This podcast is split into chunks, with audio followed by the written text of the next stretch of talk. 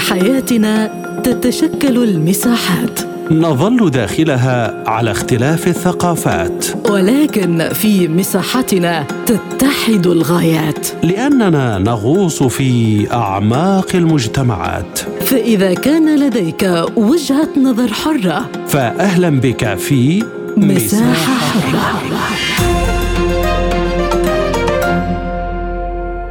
أهلا بكم في هذه الحلقة من مساحة حرة. معكم فيها عبد الله حميد.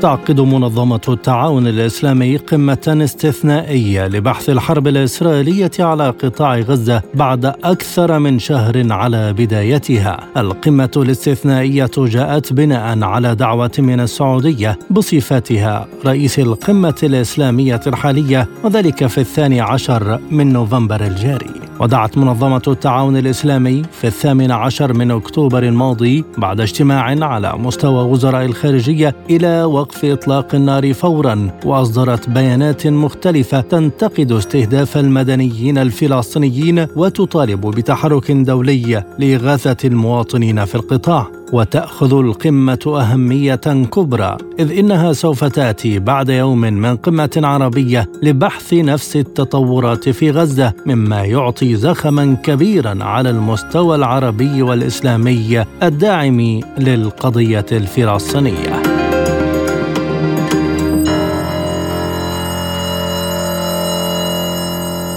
في هذا الملف ينضم إلينا من القاهرة نائب رئيس تحرير صحيفة الأهرام الأستاذ إبراهيم النجار. أهلا بك سيدي الكريم. بداية ما المأمول من القمة الإسلامية في الرياض؟ أعتقد إنه مع دخول حرب إسرائيل على غزة شهرها الثاني والقصف المستمر والغير طبيعي والغير مبرر أعتقد إنه لابد من وقفة عربية وقفة إسلامية وقفة دولية وقفة إنسانية على الأقل. ما يحدث في غزة يا سيدي الفاضل هو يعني تهجير وقتل ويعني قتل المدنيين والأطفال لك ان تتخيل إنه عدد الشهداء من يعني أو الضحايا من الأطفال وصل أكثر من 5000 طفل. هذا إجرام هذا يعني لابد أن تقدم إسرائيل بشكل أو بآخر وقادتها العسكريين إلى محاكم دولية. أعتقد إنه الدعوة التي وجهتها السعودية المملكة العربية السعودية باعتبارها رئيس الدورة الحالية لمنظمة التعاون الإسلامي المزمع انعقادها في الرياض يوم الأحد القادم. لابد من وقفة جادة وصريحة وقوية ورسالة قوية تبعثها ترسلها الدول العربية والإسلامية مجتمعه لوقف هذا العدوان الصارخ والغاشم والغير مبرر على الإطلاق. أعتقد إنه من المأمول كما يعني ردا على سؤال حضرتك من المأمول أعتقد إنه يعني أن تخرج هذه القمة الإسلامية يعني التي تضم 56 دولة إسلامية منظمة التعاون الإسلامي تضم 56 دولة إسلامية أعتقد إنه لابد من يعني قرارات جادة وصريحة ولابد أن تنفذ هذه القرارات والتوصيات التي تسفر عن هذه القمة الإسلامية. ما هي الحسابات التي ستضعها الدول الإسلامية في مناقشة ما يجري ضد المدنيين في غزة؟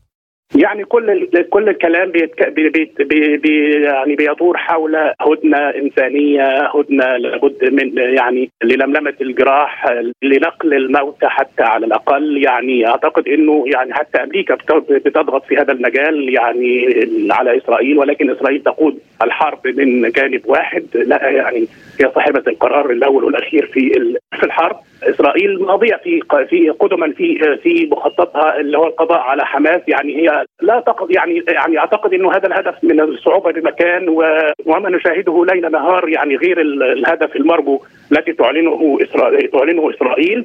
هي تقتل مدنيين تقتل اطفال تقتل نساء تقتل شيوخ تهدم مباني يعني مدنية مدارس مستشفيات كنائس مساجد. يعتقد إنه هذا يعني عدوان عدوان غاشم على بكل ما تحمله الكلمة من معنى، أعتقد إنه العرب أو الدول الإسلامية لديها من الأوراق الضاغطة على على إسرائيل وعلى المجتمع الدولي الكبير والكثير، ربما يعني لابد من قرارات سحب سفراء الدول ال ال ال الإسلامية المتعاونة مع إسرائيل بشكل أو بآخر أو التي لها سفارات دائمة في في بلدانها وقف التعامل التجاري والاقتصادي يعني مصر يعني مصر والسعودية والإمارات وكل الدول العربية وكل الدول الإسلامية بشكل أو بآخر لابد لها من وقفة وقفة جادة في في سبيل إنفاذ وقف فوري للعدوان الإسرائيلي ووقف فوري للحرب على غزة. هذه القمة ستأتي بعد القمة العربية الطارئة، فماذا نفهم من هذا التوالي للاجتماعات؟ يعني أعتقد إن السعودية تشهد الفترة القادمة زخم كبير في هذا المضمار يعني يعني ما يدل على الموقف الثابت والواضح جدا للمملكة العربية السعودية من الحرب على غزة هي تدعو بشكل أو بآخر يمكن كانت من من اوائل الدول التي أصدرت بيانات إدانة و ومطالبات بوقف الحرب على غزة أعتقد إنه يعني يمكن يوم 11 في قمة عربية طارئة دعت لها فلسطين والمملكة العربية السعودية وبالفعل أرسلت آه، خطابات رسمية إلى الدول العربية. أيضا هذه القمة لمنظمة التعاون الإسلامي تعقد في الرياض. أعتقد إنه ده يعني ان دل على شيء يدل على إنه الموقف الثابت للمملكة العربية السعودية تجاه الحرب على غزة. برأيك أستاذ إبراهيم هل الجانب الأمريكي سيأخذ في الاعتبار الرفض العربي والإسلامي لما تفعله إسرائيل في قطاع غزة؟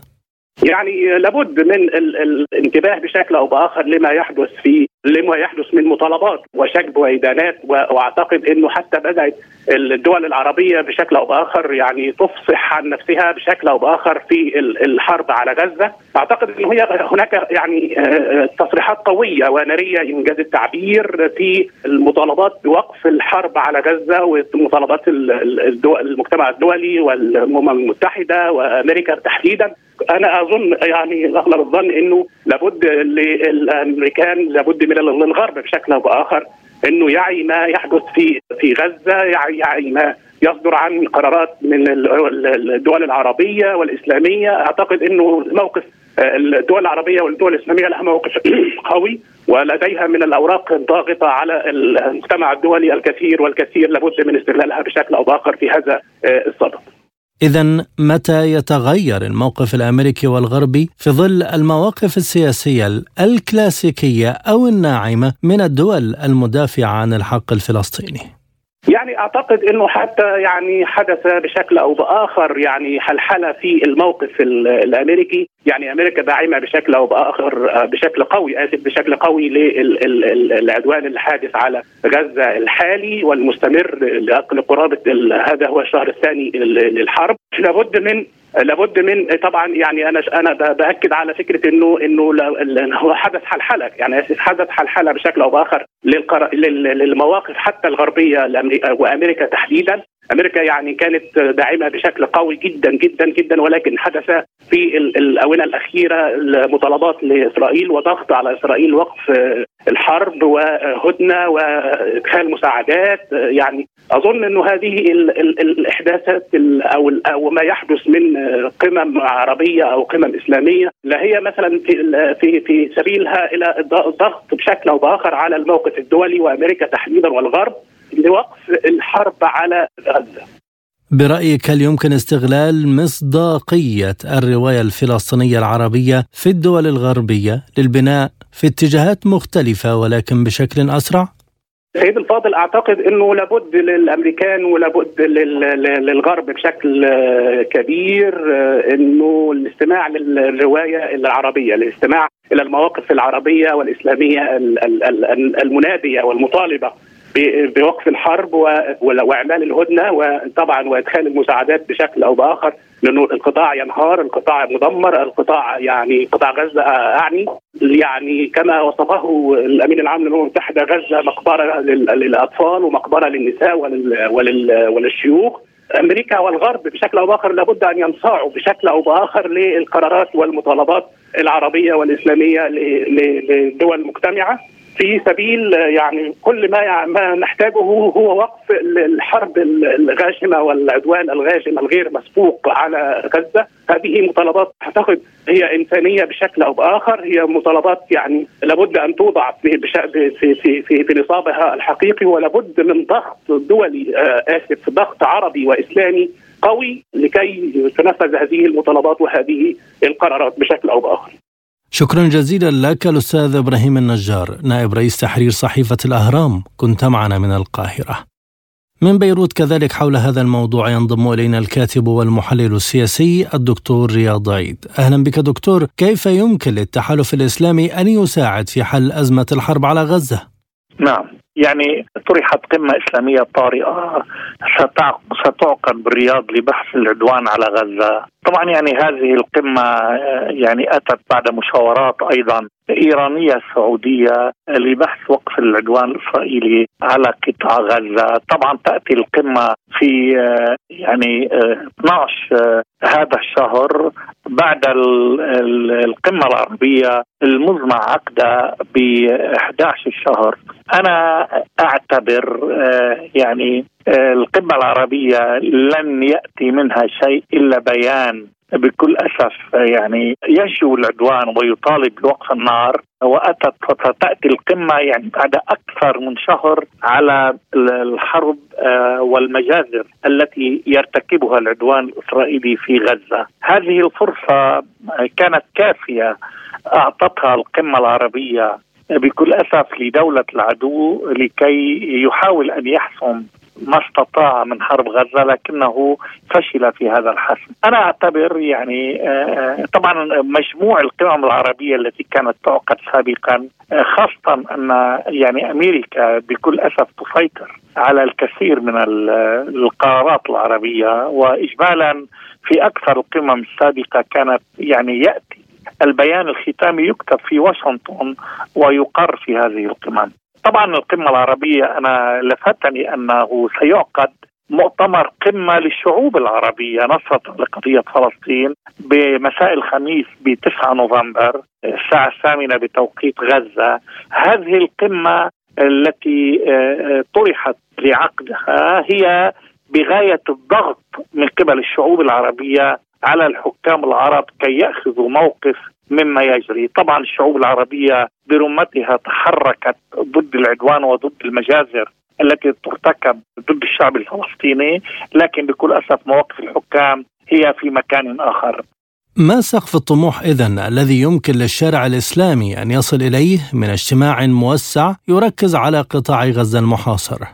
اولا يعني بالإعلام يعني مهم جدا آه، لغزة أن تصبح آه، أن يناقش هذا العدوان وهذه المجازر في مؤتمر إسلامي يهم العالم الإسلامي برمته، إنما ما المأمول بأن ينتج؟ أنا برأيي آه، سينتج بيانات وبيانات وبيانات إلا أن هذه البيانات لن تغير في المشهد شيء.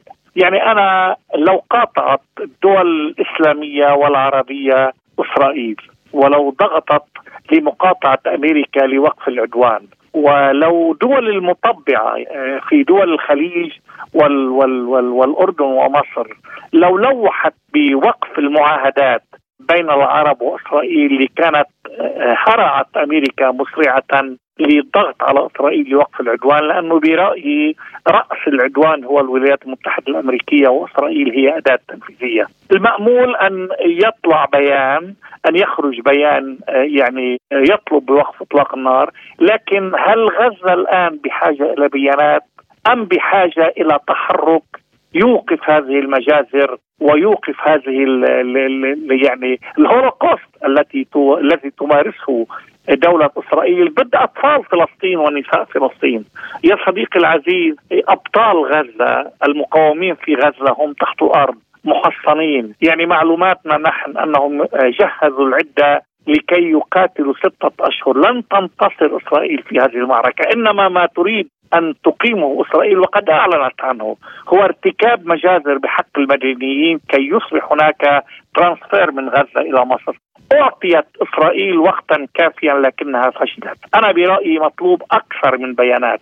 مطلوب تحرك فوري. مطلوب مقاطعة المصالح الأمريكية في المنطقة، مطلوب مقاطعة المصالح الأوروبية في المنطقة. أمريكا والغرب الانجلو ساكسوني هم معادين لحق الشعوب في تقرير مصيرها. حرب غزة أسقطت يا صديقي العزيز كل الأقنعة عن هذا الغرب الانجلو ساكسوني الكاذب المتآمر على حق الشعوب في تقرير مصيرها، أنا يعني آه، أعود وأكرر. رغم كل البيانات التي قد تصدر لوقف العدوان وشجب هذا العدوان إلا أن البيانات لم تعد تفيد، ما نريده هو عمل على الأرض، أنا أراهن فعلا. أتمنى أن يكون مضمون البيان بقدر أهمية مضمون مندوب روسيا في مجلس الأمن. وهنا أود أن أوجه التحية لروسيا قادة وشعبا وجيشا. حين قال مندوب روسيا في مجلس الأمن أن إسرائيل لا يحق لها الدفاع عن نفسها لأن عن نفسها لأنها دولة معتدية.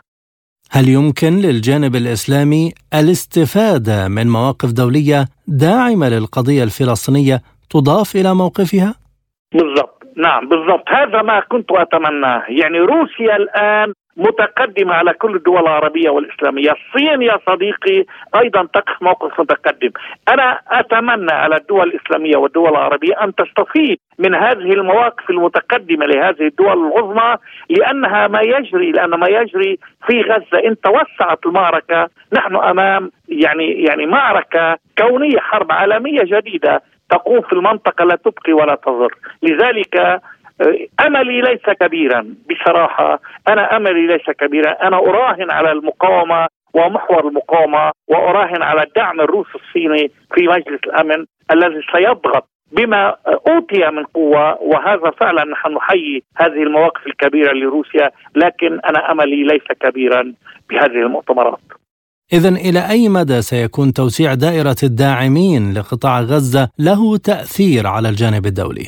الذي سيؤثر كثيرا على الجانب الدولي ليس هذه المؤتمرات بل الذي سيؤثر هو حراك الشعوب يعني أنت ترى حراك الشعوب التظاهرات في أوروبا التظاهرات في إنجلترا التظاهرات في أمريكا التظاهرات في كندا في أمريكا اللاتينية التظاهرات تعم العالم تعم العالم رفضا لهذه المجازر ضد الإنسانية التي ترتكبها أمريكا بأداتها إسرائيل. أنا يعني رهاني على اولئك الشعوب الذين سيضغطوا على حكامهم وفق معلوماتنا أن يعني بايدن يترنح. استطلاعات الرأي تؤكد أن بايدن شعبيته في أدنى مستوى وهو سيخسر الانتخابات المقبلة. لكن الموقف الدول هذه ستكون داعمة نظريا لكن عمليا ليس لها تأثير. لأن أمريكا لا تقيم بكل أسف بكل أسف بكل أسف. لا تقيم أي وزن لا للدول العربية ولا للدول الإسلامية. ما تريد أن تقيمه تقيمه وتسير به بمعزل عن كل الآخرين. أنتوني بلينكون يأتي إلى المنطقة لمحاولة جر العرب إلى أن يكونوا شركاء مع نتنياهو في الحرب على غزة. نحن لا نراهن يا صديقي إلا على موقف الشعوب العالمية وعلى موقف المقاومات العربية وعلى الدعم الكبير الذي نحظى به ومشكور من روسيا والصين ودول البريكس هذه الدول أو دول الشرق الناهض الذي ترفض هذا الغرب الانجلو ساكسوني المتآمر على حق الشعوب في تقرير مصيرها والذي يقاتل ليسلب إيرادات الشعوب ومصادر وأملاك الشعوب وأموال الشعوب، هؤلاء الغرب هو عالم قرصنة، هذا العالم آن الأوان أن يوضع له حد وأنا أعتقد ما يجري في أوكرانيا هو بداية لوضع حد لهذا التغول الأنجلو ساكسوني لإقامة نظام العدل الاجتماعي والعدل على مستوى حقوق الشعوب في تقرير مصيرها. لكن الشعوب الغربية لم تؤثر حتى على الموقف الأمريكي الداعم لإسرائيل. وما رشح عن الاجتماع الأخير بين بلينكن وحكومة نتنياهو بأن الإدارة الأمريكية تريد فقط التخفيف من أجل الشكل العام دوليا. صحيح صحيح. يعني من يرفض إطلاق النار هو أنتوني بلينكون والولايات المتحدة الأمريكية. طبعا يعني حتى الآن يعني بدأت هذه التظاهرات تهز يعني آه، آه، عروش آه، حكام الغرب بالمستقبل يعني بالقريب العاجل ستؤثر خاصة أن القرار الإسرائيلي يبدو إكمال كل يوم العشرات من المجازر كي يتعود الرأي العام على سماع وقبول هذه المجازر لأن المشروع الإسرائيلي لا يزال يسير باتجاه تدمير غزة بحيث تصبح أرض غير قابلة للحياة. وبحيث تستطيع الجيش الاسرائيلي أن يتقدم على البنايات المهدمة كي يتجنب الأنفاق وحرب الأنفاق مع الغزاويين والمقاومة، لكن أنا أؤكد لك وفق المعلومات التي لدينا أن قدرات المقاومة في غزة كبيرة وأنا أعتقد بقدر ما يسقط لهذا العدو الإسرائيلي المزيد من القتلى بقدر ما يعني يصبح الرأي العام في إسرائيل متاجج، أنا هنا أراهن على الرأي العام الإسرائيلي الذي يرفض ما تقوم به إسرائيل من المجازر أكثر مما أراهن على القمة العربية بكل أسف. لذلك رهاننا على المقاومات رهاننا على هذا المحور المقاوم ورهاننا على داعمي هذا المحور الذي يقارع المشروع الغربي الانجلو ساكسوني شكرا جزيلا لك دكتور رياض عيد الكاتب والمحلل السياسي. كنت معنا من بيروت. من عمان ينضم إلينا الدكتور حسن الدعجة أستاذ العلوم السياسية. أهلا بك دكتور، ما دلالة تجتمع الدول العربية والإسلامية من أجل الحرب على غزة في قمتين متلاحقتين؟ نعم أنا باعتقادي هذه هذه القمم تأتي ضمن الجهود العربية والإسلامية لتوحيد الرؤى العربية والإسلامية في موقف واحد آه، محصن من قبل لدن جميع الدول العربية والإسلامية حتى لا يتحمل وزر هذا ما ينتج عنها ومخرجاتها ونتائجها دولة واحدة وبالتالي آه، ستحسب على العالم الإسلامي أجمع. وهذا يدلل على أن ما يجري في غزة وفي فلسطين تحديدا هو ليست حرب بين الكيان الإسرائيلي والفلسطينيين وإنما كما قال وزير الخارجية الأردني في مؤتمره الصحفي في مجلس الأمن عندما قال إذا ان الدول الغربية التي تدعم إسرائيل هي تعلن إقامة حرب بين العرب بين الغرب والعرب والمسلمين. وبالتالي من هذه هذه النقطة الأساسية في موضوع الانتقال من الجهد العربي إلى الجهد الإسلامي لأن الخطر الداهم بالنسبة للعالم الإسلامي والعربي هو آه، تقريبا واحد. ومن ثم بعد أن رأينا أن هناك تنسيق مواقف بين المملكة العربية السعودية وجمهورية إيران الإسلامية حول الكثير من القضايا في هذه المنطقة. تأتي هذه الجهود العربية والإسلامية للدفع باتجاه اتخاذ موقف سياسي موحد تجاه الحرب في فلسطين. والمحاولة من آه، وقف إطلاق النار وتأمين آه، وحماية المدنيين وأيضا الممرات الآمنة وتزويد غزة آه، ومستشفياتها بالوقود وكذلك بالمساعدات الإنسانية، إذا ما نظرنا أنه ما دخل في غزة خلال الشهر الماضي هو مجموع ما يدخلها في يوم واحد من الأيام العادية وبالتالي هذا لا يكفي 1% من احتياجات غزة على جميع الأصعدة. ما هي النقاط التي سيركز عليها قادة الدول الإسلامية في اجتماعاتهم برأيك؟ أنا باعتقادي سيركز القادة في هذا الاجتماع على الأبعاد الإنسانية على تفعيل القوانين الدولية ومواثيق ومواثيق الأمم المتحدة ومواثيق حقوق الإنسان واتفاقيات جنيف ولاهاي حول الحروب وسلوكياتها ومسؤوليات الدول تجاه المدنيين وأيضا تجاه الدولة القائمة بالاحتلال وأن يجب أن تلتزم بهذه القوانين جميعها. وكذلك أنا باعتقادي أنه من الممكن أن يكون هناك على الأقل مشاورات لسحب السفراء من بعض الدول الغربية التي تدعم الكيان الإسرائيلي دعم لا محدود. وهذا يعني أيضا هناك كما نرى في المواقف العربية قد تكون هناك تناقضات واختلافات في بعض وجهات النظر. قد يكون هناك أطراف متشددة بحيث تطلب باستخدام القوة العسكرية أو تهديد المصالح الغربية من خلال وقف تنفيذ الاتفاقيات والشراكة الاستراتيجيه بين الكثير من الدول العربية والغرب وخصوصا الولايات المتحدة آه، وقد يعني يفضي إلى إيجاد نمط من المقاطعة الاقتصادية، كل هذه الأمور يعني محتملة في هذا الجانب. دكتور بماذا يمكن أن تخرج قمة الدول الإسلامية من قرارات تفيد ما يجري في قطاع غزة؟ نعم أنا باعتقادي أن القرارات التي ستخرج في من القمة الإسلامية هي بخصوص إجماع إسلامي حول ضرورة إدانة الحرب الإسرائيلية على غزة وعلى فلسطين حتى في الضفة الغربية، ضرورة وقف إطلاق النار، ضرورة إيجاد ممرات إنسانية، وقف ومنع التهجير، أيضا المطالبة بالتركيز على إنشاء حل الدولتين آه، إيجاد دولة فلسطينية مستقلة ذات سيادة وأن العقلية الأمنية التي آه، تمارس يمارسها الكيان الإسرائيلي لن تفضي إلى سلام واستقرار في المنطقة وأنه احتمال أن آه، تنقلب هذه الأمور لتصبح حرب إقليمية وهذا ما تخشاه الدول الكبرى في نفس الوقت. ومن المعتقد أن تخرج بتوحيد المواقف خلال من خلال يعني على الأقل التهديد بتهديد المصالح الغربية في المنطقة الإسلامية. بما أن الدول الكبرى تخشى توسيع نطاق الحرب في المنطقة لماذا لا تضغط على إسرائيل لوقف هذه الحرب؟ أنا باعتقادي إن هناك دعم لا محدود من الولايات المتحدة للكيان الإسرائيلي ولولا ان هناك رأي عام عالمي ضاغط باتجاه وقف إطلاق النار. إذا ما رأينا الاتحاد الأوروبي هناك أكثر من 5 مليون شخص خرجوا للمظاهرات واحتشدوا لمناصرة غزة رغم بعض الدول التي تمنع قوانينها هذه المسيرات وتجرمها. وكذلك الولايات المتحدة أن الكثير من مواطني الولايات المتحدة الآن أصبحوا يعوا القضية الفلسطينية وانها أرض محتلة منذ أكثر من 75 سنة. تحديدا كاغتصاب لهذه الأرض الفلسطينية وأن هناك شعب موجود وهذا الشعب له الأحقية في إقامة دولة فلسطينية مستقلة ذات سيادة، إضافة إلى قضية الضغط على الانتخابات الرئاسية القادمة لأن الكثير حتى من المسؤولين في البيت الأبيض يعني مستائين جدا من قضية إعطاء الكيان الاسرائيلي شك على بياض للتصرف كما يشاء.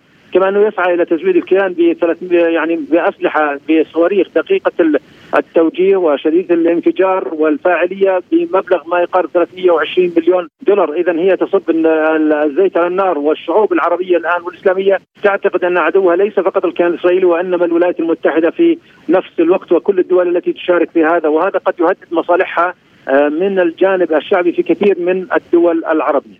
وهذا الدعم اللامحدود كيف سينعكس داخليا في الدول التي تدعم إسرائيل؟ نعم هذا أنا باعتقادي أنه الدول يجب أن تغير مواقفها وخصوصا يعني قضية التهجير هي قضية خطيرة جدا، هذا التهجير مشروع قديم يعني منذ عام 1956 لكنه فشل وتم تجريبه عام 1970 و1980 و2019 فشل مع صفقة القرن. وكذلك يعني آه، جاء رفض صفقة القرن من خلال الملك عبد الله بإعلانه لا للتوطين ولا, للوطن البديل وأيضا لا لإقامة آه، لإيجاد عاصمة الولايات المتحدة في في القدس وكل هذه الأمور يعني أدت إلى آه، إفشال هذا الجانب من التهجير. وكذلك لا ننسى أن أن المقاومة في نفس الوقت لن تهزم في هذه المعركة وإسرائيل لن تحقق أهدافها العسكرية ومن ثم الأهداف التي أعلنتها هي القضاء على آه، قيادة حماس وأيضا القضاء على آه، أسلحة ومقدرات حماس العسكرية وإحلال حكم ما بعد حماس. كل هذا لم يتحقق وبالتالي الحروب تقاس بقضية الأهداف الكبرى. التي توضع وإسرائيل وضعت أهداف كبرى لن تستطيع على تحقيقها وسيعود يعني ستعود كما كانت في الحروب السابقة 2008 و2012 و2014 و2019 و21 و22 وهذه الحرب أنا باعتقادي إنه بالسيناريو الأول قد تنتهي بنفس الأسلوب لكن السيناريو الثاني أن تدخل جهات أخرى وتوسع جبهات القتال من جنوب لبنان وجنوب سوريا والعراق وسوريا ضد القواعد الأمريكية ومن ثم قد تدخل دول قصرا وجبرا ويعني مجبر على ذلك إذا تم محاولة تهجير الأشقاء في الضفه الغربية إلى الأردن لأن المسؤولين الأردنيين صرحوا أكثر من مرة. أنها ستستخدم جميع الطاقات المتاحة للأردن لحماية الشعب الفلسطيني وابقائه على أرضه وعدم القبول بالتهجير القسري أو الطوعي إلى الأردن. وكذلك هذا الجانب بالنسبة لمصر لأن مصر أيضا رفضت قضية التهجير إلى سيناء. وهذا قد يفشل قرار التهجير ومن ثم يجب الجلوس على طاولة المفاوضات والوصول إلى حل الدولتين. أخيرا هل الخيارات العربية الإسلامية ستكون مؤثرة؟ آه، أنا باعتقادي أن القرارات العربية اذا إذا أجمع العالم الوطن العربي والعالم الإسلامي على قرارات محدث القمتين المترافقتين في آه، الرياض بدعوة من الشقيقة السعودية أنا باعتقادي أنه سيكون هناك تأثير لأنه سيكون هناك توحيد للمواقف الأساسية تجاه قضية فلسطين لأن بعض الرؤى تختلف من دولة إلى دولة وهذا يمكن لقضية توحيد الرؤى ومن ثم توحيد الجهود وقد يفضي إلى على الأقل الاتفاق على خطة معينة تبدأ بالتدرج في قضية سحب السفراء للتشاور ومن ثم إلغاء بعض الاتفاقيات والشراكات الاستراتيجية في المنطقة، وبالتالي يتم الضغط على الولايات المتحدة لإيقاف هذا هذه الحرب، لكن أيضا هناك تعويل على المجتمع الدولي خصوصا الاتحاد الروسي والصين في التدخل لصالح إيقاف هذه الحرب من جانب آخر. شكرا جزيلا لك دكتور حسن الدعجة أستاذ العلوم السياسية كنت معنا من عمان. كما نشكركم مستمعينا الكرام على طيب المتابعة إلى اللقاء.